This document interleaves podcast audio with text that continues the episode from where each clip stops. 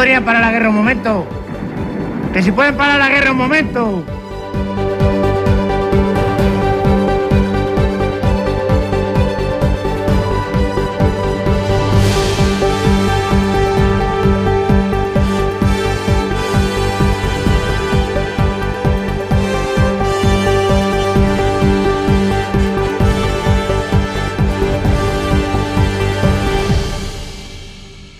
Nunca pensei que nun eh, podcast como este tuveramos que recurrir a citar os filósofos clásicos, pero creo que ante todo moita calma e estamos en guerra, pero hai que reflexionar. Hoxe eh, imos falar do que, bueno, do que fala todo o mundo, como sempre con Ana Luisa Bouza, boa tarde. Hola, que tal? Eh, Antón Losada, hola que hai, Antón. Boas. E temos tamén a, a Juan Teixeira, que é un colaborador de sempre da revista Luces, mentre non se canse, e que mm, eu vou confesar unha cousa, mm, no número que estará, digamos, mm, case a piques de chegar ás casas dos suscriptores, aparece unha reportaxe eh, asinada por el e por Pablo González que se titula Ucrania nin paz nin guerra, pero ese, o problema o problema e eh, bueno Juan, boas tardes a todo isto. Boas tardes, chega, chegamos tarde con ese reportaxe. é que o impreso é o que ten, non? Pero o que se describe aí, como xa leva describindo eh, Juan en, en varias reportaxes é eh, un pouco a situación que se vive eh, sobre todo na parte, digamos, mm, disputada, disputada antes, non agora que parece que estar que está toda Ucrania disputada eh, entre, digamos, rusos e eh, e ucrainos. Non?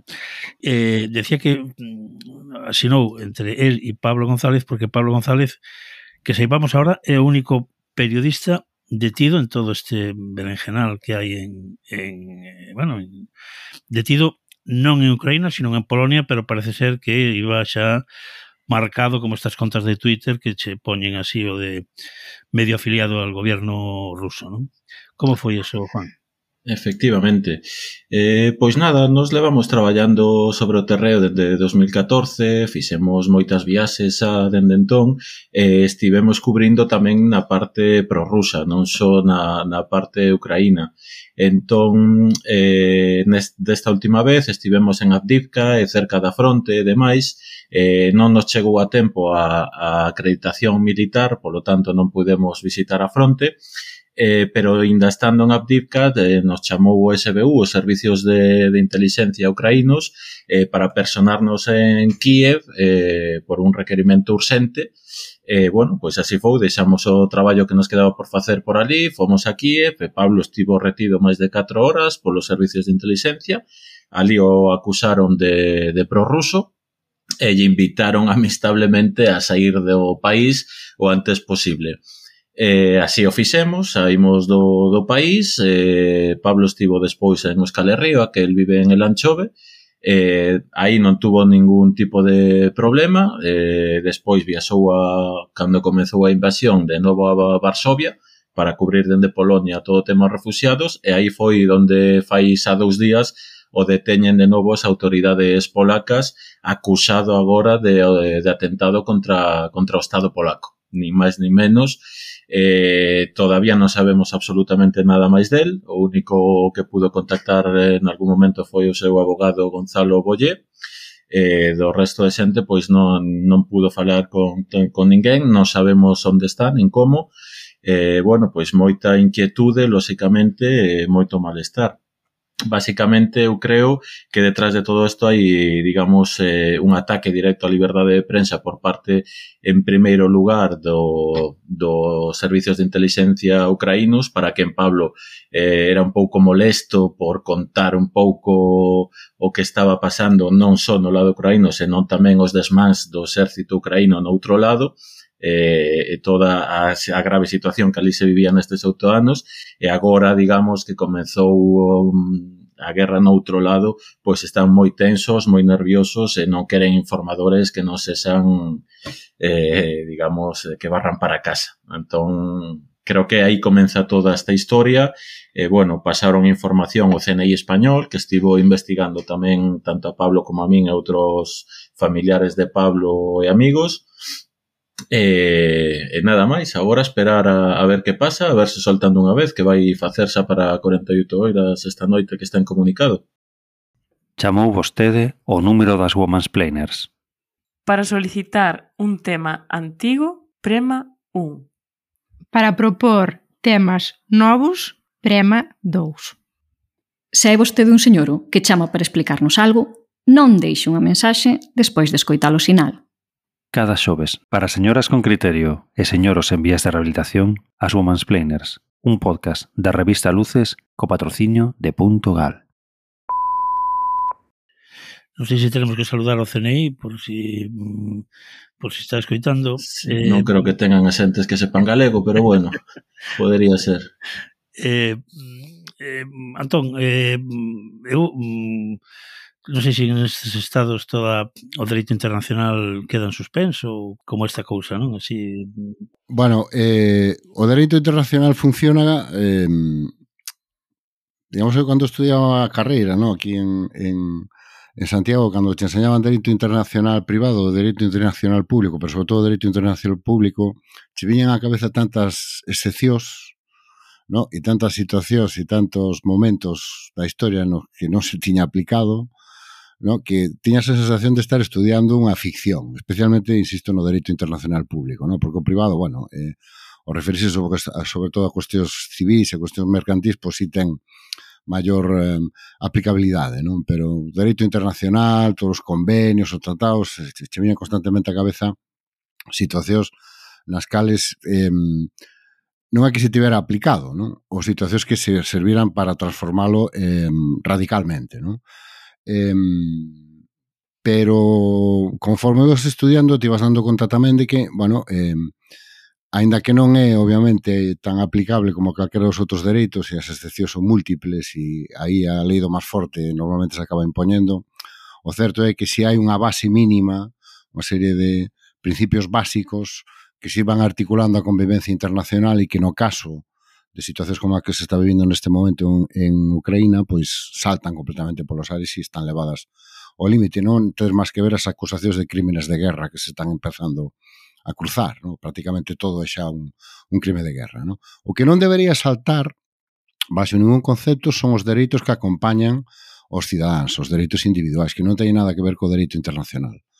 Dicir, o dereito á información, o dereito a ser detido baixo unhas determinadas condicións, a ser informado en todo momento de que se che detén, porque se che detén, cales son os teus dereitos, cales son os cargos que se poñen en tua conta se si que hai algún tipo de cargo, se unha detención meramente informativa ou administrativa, unha detención que pode ter consecuencias penais. Eso sí que non deixa de funcionar, eso non ten nada que ver co dereito internacional. Esos dereitos acompañan neste caso a un cidadán que é cidadán dun Estado, que é o Estado español, que debería ser o primeiro interesado debería ser o primeiro interesado en protexer os dereitos de todos e cada un dos seus cidadáns. Entón, da situación que nos acaba de, de contar, a min o que me gustaría saber é cal é a reacción, eh, porque ou, ou non estaba eu atento ou non houve mención, por parte das autoridades que están obligadas a defender os dereitos de todos e cada un de nós, das nosas autoridades, de todos e cada un de nós con independencia do que opinen esas autoridades de, do noso traballo, do que facemos ou que deixamos de facer. Non sei se por parte do consulado, da embaixada, a parte do CNI, por parte do consulado, da embaixada, en ambos os dous casos, houve algún tipo de xestión ou información, como é a súa obligación. Absolutamente nada de momento. Están dicindo que están traballando nelo, pero non se sabe absolutamente nada. O diputado de H. Bildu, John Iñárritu, xa fixo varias preguntas parlamentarias eh, para preguntar polo tema e que está facendo o Ministerio de Exteriores ao respecto e aínda non, tu, non tivo de resposta. Leva 30 horas detido e todavía non hai ninguna tipo de resposta oficial polo Ministerio de Exteriores. E no, no caso da detención anterior tampouco houve ningún tipo de xestión tampouco Entendo, entenden que entendín que houve, houve dúas, non? Unha anterior en Ucraína, a, a, pri, non? a primeira en Ucraína non foi detención. Foi ah. unha retención, digamos, eh, voluntaria neste caso. Xa, eh, dise, bueno. Dicen lloronlle amistosamente que ou iba, iba ali rapidamente ou iba a ter problemas máis serios. Entón, sí. bueno, foi desa maneira. Eh, bueno, ali estivo retido, non e deixaban salir ata que falou directamente cun, cun, con, co diputado John Iñárritu, entón aí se puseron un pouquiño máis calmados e finalmente mm. despois de 4 horas o deixaron salir, pero non foi ningunha detención, digamos, legal nin, nin ao uso, nin tampouco tiba, tiña unha orde de, de expulsión do país eh, de ningún tipo. Simplemente era unha recomendación amistosa casa, digamos. Entón, el despois falou co cónsul eh, en, eh, en Ucraína e demais, e, bueno, os diplomáticos aconselláronlle que saía do país polo que poidera pasar. Os diplomáticos aconselláronlle que saíra do país. Efectivamente, sí. Dixeronlle vale. que tal como estaba a situación e demais, que, que non estaba obligado, pero que yo, eles eh, lle aconsellaban que saíra do país é cando menos un xeito curioso de, de protexer os dereitos dun cidadán do teu efectivamente, estado. Efectivamente, efectivamente. tal... de... parece cando menos sorprendente. Sí, ¿no? sí, sí. E polo teu ben, pois mira, lárgate, así non temos problemas nin ti, nin nós, nin ninguén máis. E agora no caso de Polonia que xa estamos diante dunha detención que xa levamos 30 horas sí. que supera de lonxe o prazo de calquer país homologable. Pois que eu saiba nada de nada de nada tampouco, nada xa che digo que agora acaba de colgar eh, John Iñárritu estas preguntas parlamentarias ao respecto e eh, sen resposta todavía. Bueno, que eu creo que é importante recordar a xente que, insisto, que haxa unha guerra en Ucraína e que haxa a situación que hai non suspende os dereitos individuais do cidadán español, nin a obligación do Estado español de defender e protexer os dereitos destes cidadáns en calquera parte do mundo, con independencia da opinión que che mereza ou, ou dos feitos que se, dos que estemos tratando. Non? Pero bueno, eu creo que isto forma parte de algo que estamos asistindo, que eh, con dependencia do que cada un de nós opine do que está sucedendo, eh, bueno, parece que se está creando unha especie de clima xeral de que los rusos son malos, eh, los rusos son culpables, idea que eu podo estar ou non de acordo, pero que como los demás, los outros son moi malos, nosotros xa non temos que dar ninguna explicación de todo o que facemos. ¿no? E eso sí que eu creo que, que a mí me parece realmente perigoso. A mí, por exemplo, este aplauso co que se recibeu a censura de Russia Today e de Sputnik, me resulta cando menos sorprendente. É, é moi grave por o que eu penso, porque é unha polarización da sociedade tremenda. Parece que agora só hai vos e malos, e, e eu creo que, en todo caso, será o goberno ruso malo, non o povo ruso. É esa mm. liña que moita xente non sabe diferenciar. De repente parece que todos os rusos son malos, e, e xa está, non somos os vos. En nestes últimos oito anos que morreron 13.000 civiles no Donbass, pois non se dixo nada, nin houbo non a guerra, e de repente sí, é unha situación que, que eu non acabo de, de comprender e que me preocupa bastante, a verdade. Bueno, sobre todo, aparte, porque hai unha, unha cuestión, quer dicir, eso mm, o que lle está dando ao goberno ruso é precisamente a opción de decirlle, bueno, pues nos prohibimos os outros, co cual eh, nós aquí podemos escoller entre Rusia Today e Antena 3. E os rusos, si, es, eh, si capan os medios internacionais e expulsan os correspondentes internacionais, non teñen opción entre un e outro. É dicir, eh, eh, non, non, eu penso que é unha, unha medida aparte, eu non sei se, si, vamos, non sei se si cabe dentro das leis europeas facer eso, desde logo a mí non me parece eh, éticamente correcto, nin moito menos, como non me parece éticamente correcto sinalar os xornalistas como se están sinalando con un con unha marca infamante de medio afiliado o goberno ruso cando, por exemplo, a xente que o que está facendo é reproducindo fontes do goberno ruso pero tamén fontes de outra, de, de, do goberno, por exemplo, ucraíno. Quer decir que, bueno, pero si que... se o argumento se, se o argumento é mmm, vamos impedir que se emita en Europa porque emiten fake news, bueno, a, a pregunta que se está facendo moita xente nas redes sociais, por que se permite que siga emitindo Fox News? e tantas outras cadenas, porque a ver, claro, bueno, pues xa por poñer un exemplo, a ver, dime ti, por poñer un exemplo, sí, unha cadena mainstream, o exemplo máis radical, claro, unha sí. cadena mainstream que non este emitindo fake news, non? E que eu creo que intentar dar respostas simples a problemas tan complexos bueno, eu, como este. Ana Luisa, creo que entre unha cadena principal e Fox News aínda hai, afortunadamente aínda hai algunhas diferencias na calidade da información que dan en dar fake news ou non dar fake news, non? Pero postos a, a si ese é o argumento, o argumento é porque dan emiten propaganda, emiten fake news, teñen unha li, eh, liña editorial xustificativa do que está sucedendo neste mundo, bueno, pois, pues, entón, por que non Fox News? Que exactamente, eu creo que, digamos, o equiparable a, a Rusia Today posto en esos termos. ¿no? E sobre todo, quen decide eso? O sea, quen decide, bueno, esta cadena no, esta sí. Esto so, que, eso que no decide. Bueno, eso, eso de entrada é a, a pregunta, digamos, do millón, pero tamén hai outra cousa. Na xustificación de Twitter, din que eh, poñen o, o marchamo ese de, de medio afiliado e tal, cando se trata dun medio eh, que está, digamos, a súa liña editorial marca un goberno e especifica que eso non vale, por exemplo, para a BBC. Non? Eh, bueno, bueno, é que eh, non vale para a BBC. Non vale para a BBC, pero vale no. para moitas outras que temos máis cerca, non? Que, sí, vale para unhas cuantas televisións que todos temos a cabeza, non? Claro, pero para a BBC, sí. afortunadamente para os ingleses, para a BBC non, porque ten garantida a súa autonomía financiera e política, non? O sea, bueno, pero... pero se si tuviéramos un modelo semellante aquí, estaremos falando de outra cosa. Pero con independencia, eu o que vou é... Eh, Dicir, eu teño a miña opinión sobre o que está pasando. É Dicir, eu creo que isto é unha guerra europea, non é unha guerra só en Ucrania, eu creo que Putin eh, é quen o principal responsable do que está sucedendo e que o obxectivo non é ni moito menos, non é só ocupar un X territorio nunha zona xeográfica determinada, sino que se trata dunha guerra que o que busca é romper definitivamente o que é o gran pesadelo de Putin, que é o proxecto da Unión Europea. Eu opino todo eso. Pero eso non me leva a xustificar cousas que van máis alá e incluso van en contra do modelo que eu penso defender e quero defender, que é o modelo da Unión Europea.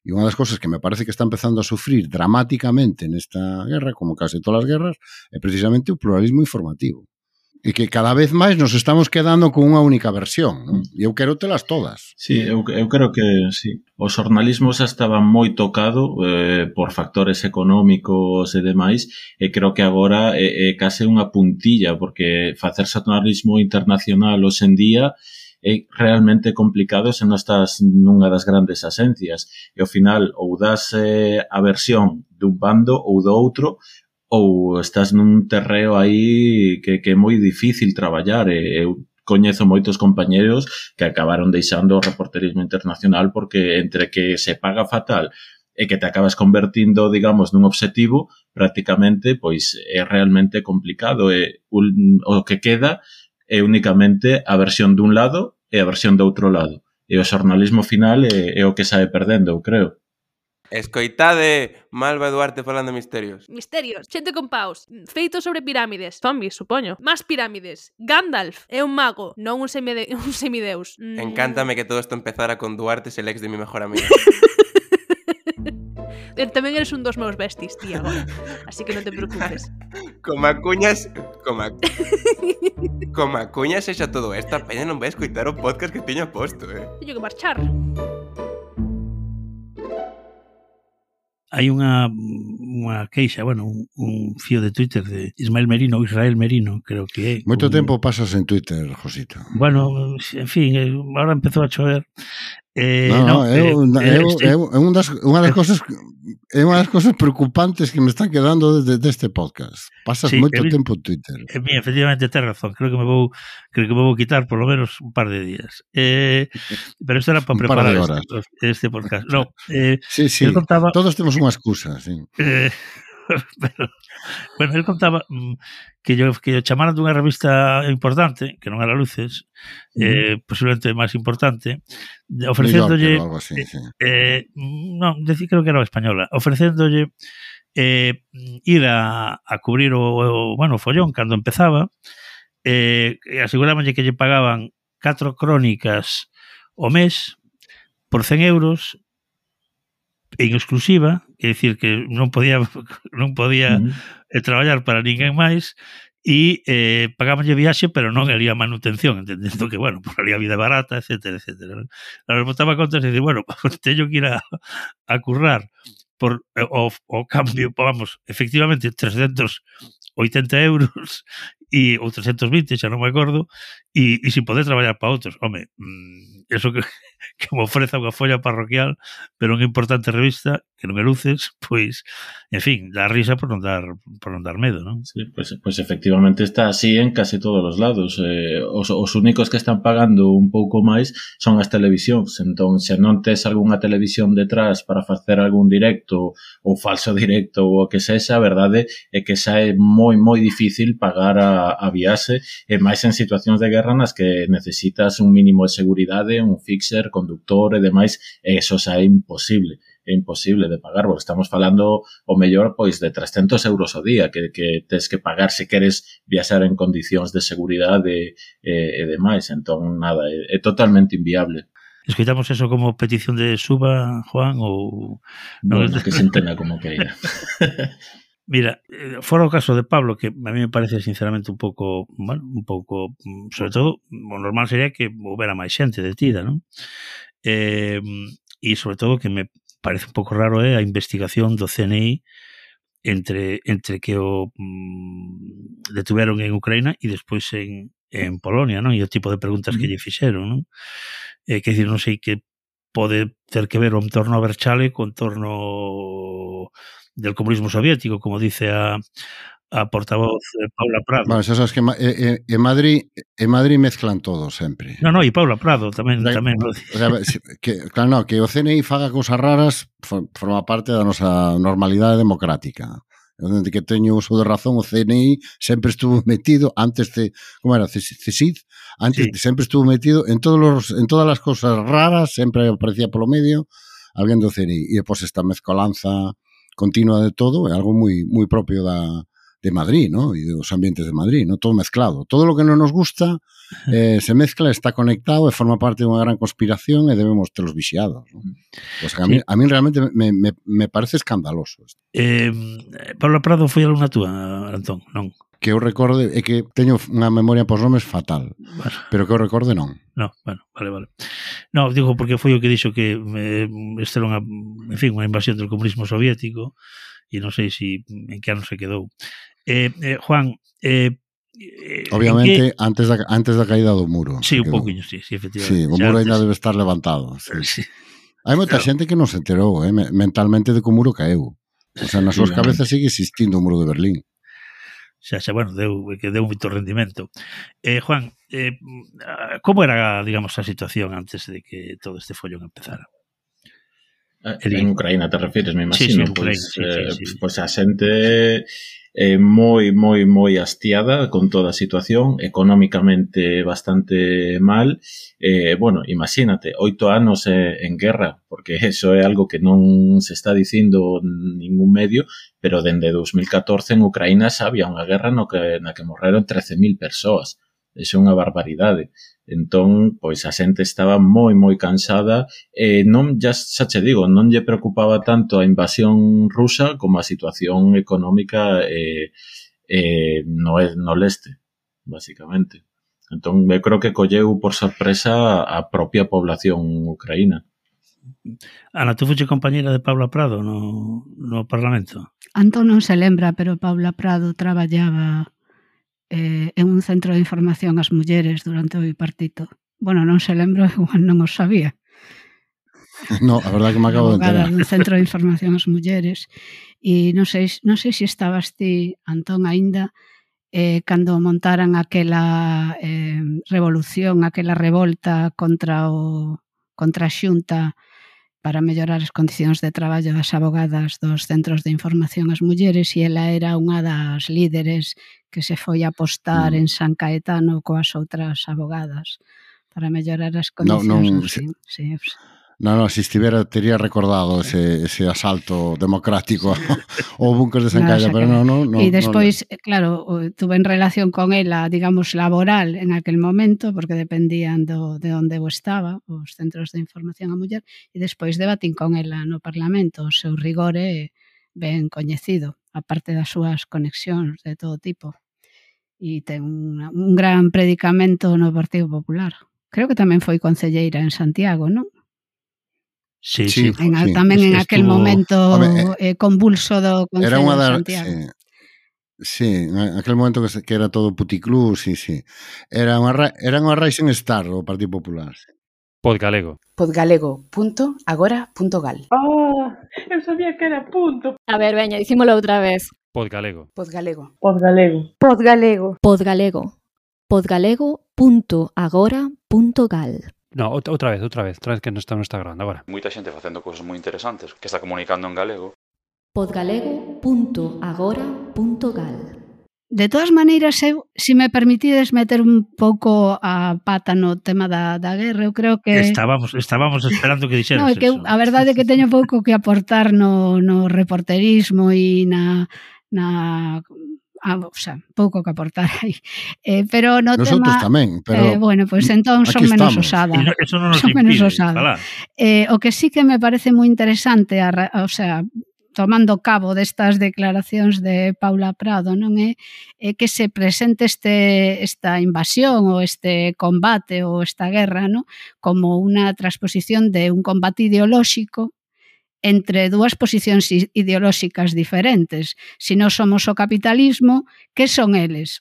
Digo Putin, o comunismo, pero claro, nada máis lonxe de Putin que o comunismo, non? En todo caso, somos dúas versións do capitalismo. Non somos unha versión do capitalismo máis burocrático, que pretende ser un crear estados sociales Liberal, de dereito, sí. que sí. consideren os dereitos das persoas e tamén unas normas que hai que cumplir, e Putin representa o capitalismo máis moderno, máis populista, non? Que non ten normas e no que ganar diñeiro é eh, a, a principal o principal obxectivo eh, das persoas e do Estado, eh, como protección dos que máis diñeiro ganan. Non? Creo que eso é, se hai un debate ideolóxico entre dous modelos de, de capitalismo, non? E que intenten eh, eh, categorizar a Putin de, de representante dos soviets e que aínda por riba, con isto de Pablo polo medio tamén metido, que, que intenten mesturar ese representante dos soviets con ETA eh, con, o sea, con todo o mm. que é o enemigo do seu sistema, non?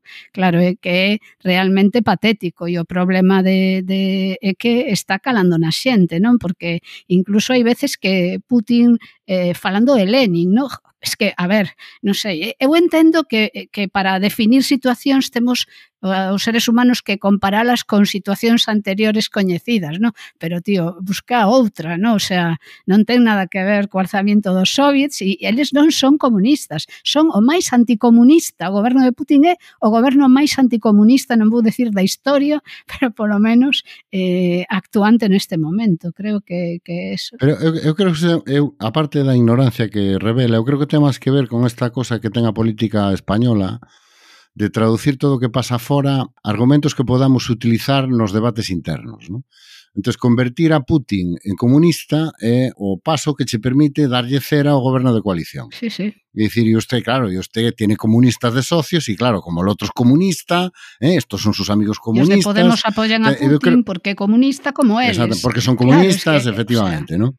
Claro, é, é dunha simpleza absoluta. E despois, no caso de, de Putin, eu creo que é moi xenerosa o decir o, o do o do, o do capitalismo moderno. Moderno, que o que representa, non, se, non se escoitan as aspas. Sí, sí, entre comillas, sí, xa sei que é irónico, pero quería engadir o... Eh, fai no seu día eh, Stiglitz acuñou un término que eu creo que era moi moi acaído para falar do que pasou nos anos da burbulla e nos anos da desregulación dos mercados financeiros, ¿no? que era o que el chamado capitalismo granuja que era xente que basicamente o que facía era entrar por cualquier medio legal ou ilegal generar beneficios. Non? Bueno, eh, Putin fai moito tempo que traspasou a fronteira do capitalismo, do capitalismo granujeo que temos diante simplemente un, unha cleptocracia de manual. É dicir, unha élite corrupta, eh, completamente a marxe da lei, co que fai é repartirse e espoliar sistemáticamente a riqueza do país e, como ben dice Ana Luisa, por encima de cualquier lei, por encima de cualquier norma, o único que o único eh, que, o único que nos vale son os beneficios, pero non beneficios por, para o Estado, nin beneficios para os servicios que presta o Estado, sino beneficios que son apropiados descaradamente por esa élite que a que no fondo lle dá, lle dá soporte e lle dá legitimidade, entre comillas, ao réxime de Putin. Non tanto que anda circulando por aí que a mí me parece asombroso, que que fora de Rusia os oligarcas teñen aproximadamente o 80% do PIB en diferentes... E outra cousa que se está contando con toda normalidade en, en todos os, os mismos coitaba, non? Na, no informativo de mediodía da SER, que polo visto están nestes momentos mares cheos de yates que están salindo de megayates que están salindo claro. a toda velocidade dos portos dos portos nos que hasta ahora estaban tranquilamente no? Nos que somos tan demócratas e estamos tan preocupados agora pola situación dos cidadanos rusos e tamén dos cidadanos ucraínos que estaban tranquilamente atracados pois en Barcelona, sin ir máis longe, e están sacando a toda velocidade por si acaso ellos por, incautan. Porque hoxe... De chamar ya iso comunismo... Claro, hoxe eh, estiven escoitando a, eh, a, o debate no Parlamento Europeo don, con Borrell e a presidenta e toda esta historia, eh, eles o que apostan é porque a Unión Europea utilice a súa hard force e a súa, digamos, o seu poder, o seu poder duro, o poder duro da Unión Europea non son as armas, son os cartos, non? E a presidenta falaba de que xa van se enterar estes oligarcas cando lles empecemos a quitar os yates, así que Suiza deixe de ser neutral e empecemos a bloquearlles as contas, o sea que realmente non estaba falando de opoñerse a esa invasión eh, eh, digamos, polos medios habituais de, de, de, de bloqueo, ¿no? como se bloqueou a Cuba. Non se trata de bloquear a entrada de medicinas e medicamentos, non. Do que se trata é de bloquearlles as fortunas persoais eh, dos oligarcas que están que están ao mando, non? Eu creo que eso tamén nos fala de quen é o enemigo e falando do enemigo e un pouco tamén na liña do que decía Juan antes de que isto é unha guerra que non empezou agora, eh, esa diferencia que están a facer entre guerra e invasión, non? Non, non, mentras era guerra non pasaba nada, pero como agora é unha invasión, agora hai que tomar medidas, non? E claro, sí, pode ser, podes estar de acordo que unha invasión é algo especialmente grave e hai que tomar medidas, pero que yo digan aos, aos saharauis ou que yo digan aos palestinos, non?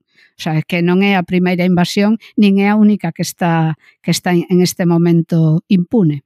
Bueno, eh, os italianos que sempre presto sempre teñen moita fineza, como dicía outro, eh, xa dixeron que embargo sí, pero de Gucci, Ferrari, etcétera, etcétera, nada, porque a xente, hai xente que ten unhas necesidades básicas que hai que, que, que hai que que hai que cumplir e que e que bueno, que en fin, no, no tal. É curioso, hai unha hai, un- había unha cousa de Paul Krugman no país para que se vea que non só estoy al, Twitter en que decía que o, realmente golpe golpe sería eh, entrar no blanqueo de capitales. ¿Qué pasa? Que claro, que si empiezas a entrar no blanqueo Ahí de capitales, todos. puedes descubrir, claro, claro, que hay oligarcas en todas partes, non solo, non solo en Rusia, ¿no? Saco unha oligarquía- derivada Esa coina é unha derivada máis preocupante, que que até da hora que nos decían sempre que os que éramos os que decíamos así, que home, que o mellor o problema noso non era que pagábamos moitos impostos, sino que había moito fraude fiscal e que pois hai 250.000, en España, por exemplo, hai 200, se fala moito dos oligarcas rusos, non? En España hai 250.000 millóns de euros en tinglaos fiscales, en instrumentos fiscales. 250.000 millóns de euros, que cotizan, se é que cotizan, entre un 3 e un 4%. E sempre que falas de eso, no, é que é moi complicado porque os entramados, sí, os paraísos... Se te, bueno, conclusión, se te vas del país. Sí, a conclusión que sacase Bueno, non debe ser tan complicado porque mira que temos xa en, en, en nada, en catro días temos un montón de información sobre onde tienen las fortunas, cales son as contas, onde hai que... Co cal, chegamos por fin á conclusión que eu creo que, que unhas conclusión que hai que tirar desto de que acabar cos paraísos fiscales parece máis ben unha cuestión de vontade política e de tomar a decisión que non é unha cuestión de la gran complejidade técnico-administrativa que ten desmontar esos tinglados. Non, obvia, obviamente non se fai porque non se quere, lóxicamente, claro. porque irían contra dos intereses de, deles mesmos. E un pouco, voltando de Ucraína, pois eu creo que os tiros van por aí, non é, digamos, unha confrontación entre dous eses moi diferenciados, nin nada polo estilo. Son simplemente eh, dous... Eh, eh, pois activos do, do mesmo do mesmo forma de funcionar que se están retroalimentando. Por exemplo, dende que comenzou a invasión, todas as empresas armamentísticas subiron en bolsa unha barbaridade e lle chegaron a, dende entón, gañaron máis de 25.000 millóns de dólares. Entón, a guerra é unha forma máis de, de manter o sistema tal e como o coñecemos, porque o sistema é exactamente o mismo en Rusia que na, que na Unión Europea, na base. Hai moitos detalles que os diferencian, pero eu creo que a base é exactamente a mesma. E por eso non se vai contra o blanqueo de capitais, por exemplo, ou cando queremos ir a pola paz en Ucraína, enviamos armas. Mm. Eh, é a forma de facer a paz, enviar pois 200 millóns de euros o día en armas, por exemplo. Esa forma que temos de facer a paz, pois non, non o parece, non, Ben, eh, non sei se vai sendo hora de irse recollendo, eh, porque mm, creo que xa pasamos da media hora, que é o noso, a nosa duración canónica, e min, eh, sinceramente, mm, fixoseme corta, eh, supoño que teremos a desgraciada oportunidade de falar destas cousas eh, máis veces, e en todo caso eu eh, solo mm, lle daría unha última entrada a Juan Teixeira para que para que nos diga en todo caso como cree que vai a, a funcionar a acabar todo isto se que acaba. Pois sinceramente eu non me mollo moito xa en facer prediccións porque ata fai 10 días era dos que afirmaba categóricamente de que non iba a haber invasión rusa eh, sabemos como está o tema. E a día de hoxe a verdade é eh, que non teño nin idea de como de por onde poden ir os tiros. Eu quero pensar que Rusia se conformará con coa anexión oficial de Crimea e a desmilitarización en Ucraína e demais, pero non o sei, a verdade é que non, non ten pinta de que Putin vai a recular, eh, pois nin idea, realmente non sei se vai querer facer anexionar ata o de Níper, ou o que vai intentar. Non, non o sei. A estas alturas eu xa non me mollo porque é realmente complicada a situación e cada día pode variar eh, radicalmente. Ben, pois eh, convocamos a, a todas e a todos para a semana que ven e a ver si de aquí en sete días pois mm, temos algo máis de alegría e polo menos alegría de que Pablo González este este fora do, mm. de onde este agora, vamos que nin se sabe. Esperemos. Esperemos que antes. E tamén decirlle, tamén decirlle ao noso Alberto que non se preocupe de que hoxe non falamos del, que o seguimos tendo nos nosos pensamentos e que seguimos con gran atención a súa traxectoria. Sí, eh, eh, que as nosas oracións o acompañan neste tránsito que está facendo, Doloroso. que penso que está facendo, porque vai ti saber. Eh, eso tamén falaremos. Permanecen atentos a esta pequena pantalla. Quen dixo que aquí non pasaba nada? Nin para quen se pode dicir que aquí non pasaba nada. Aquí pasou o que pasou. E sabémoslo todo.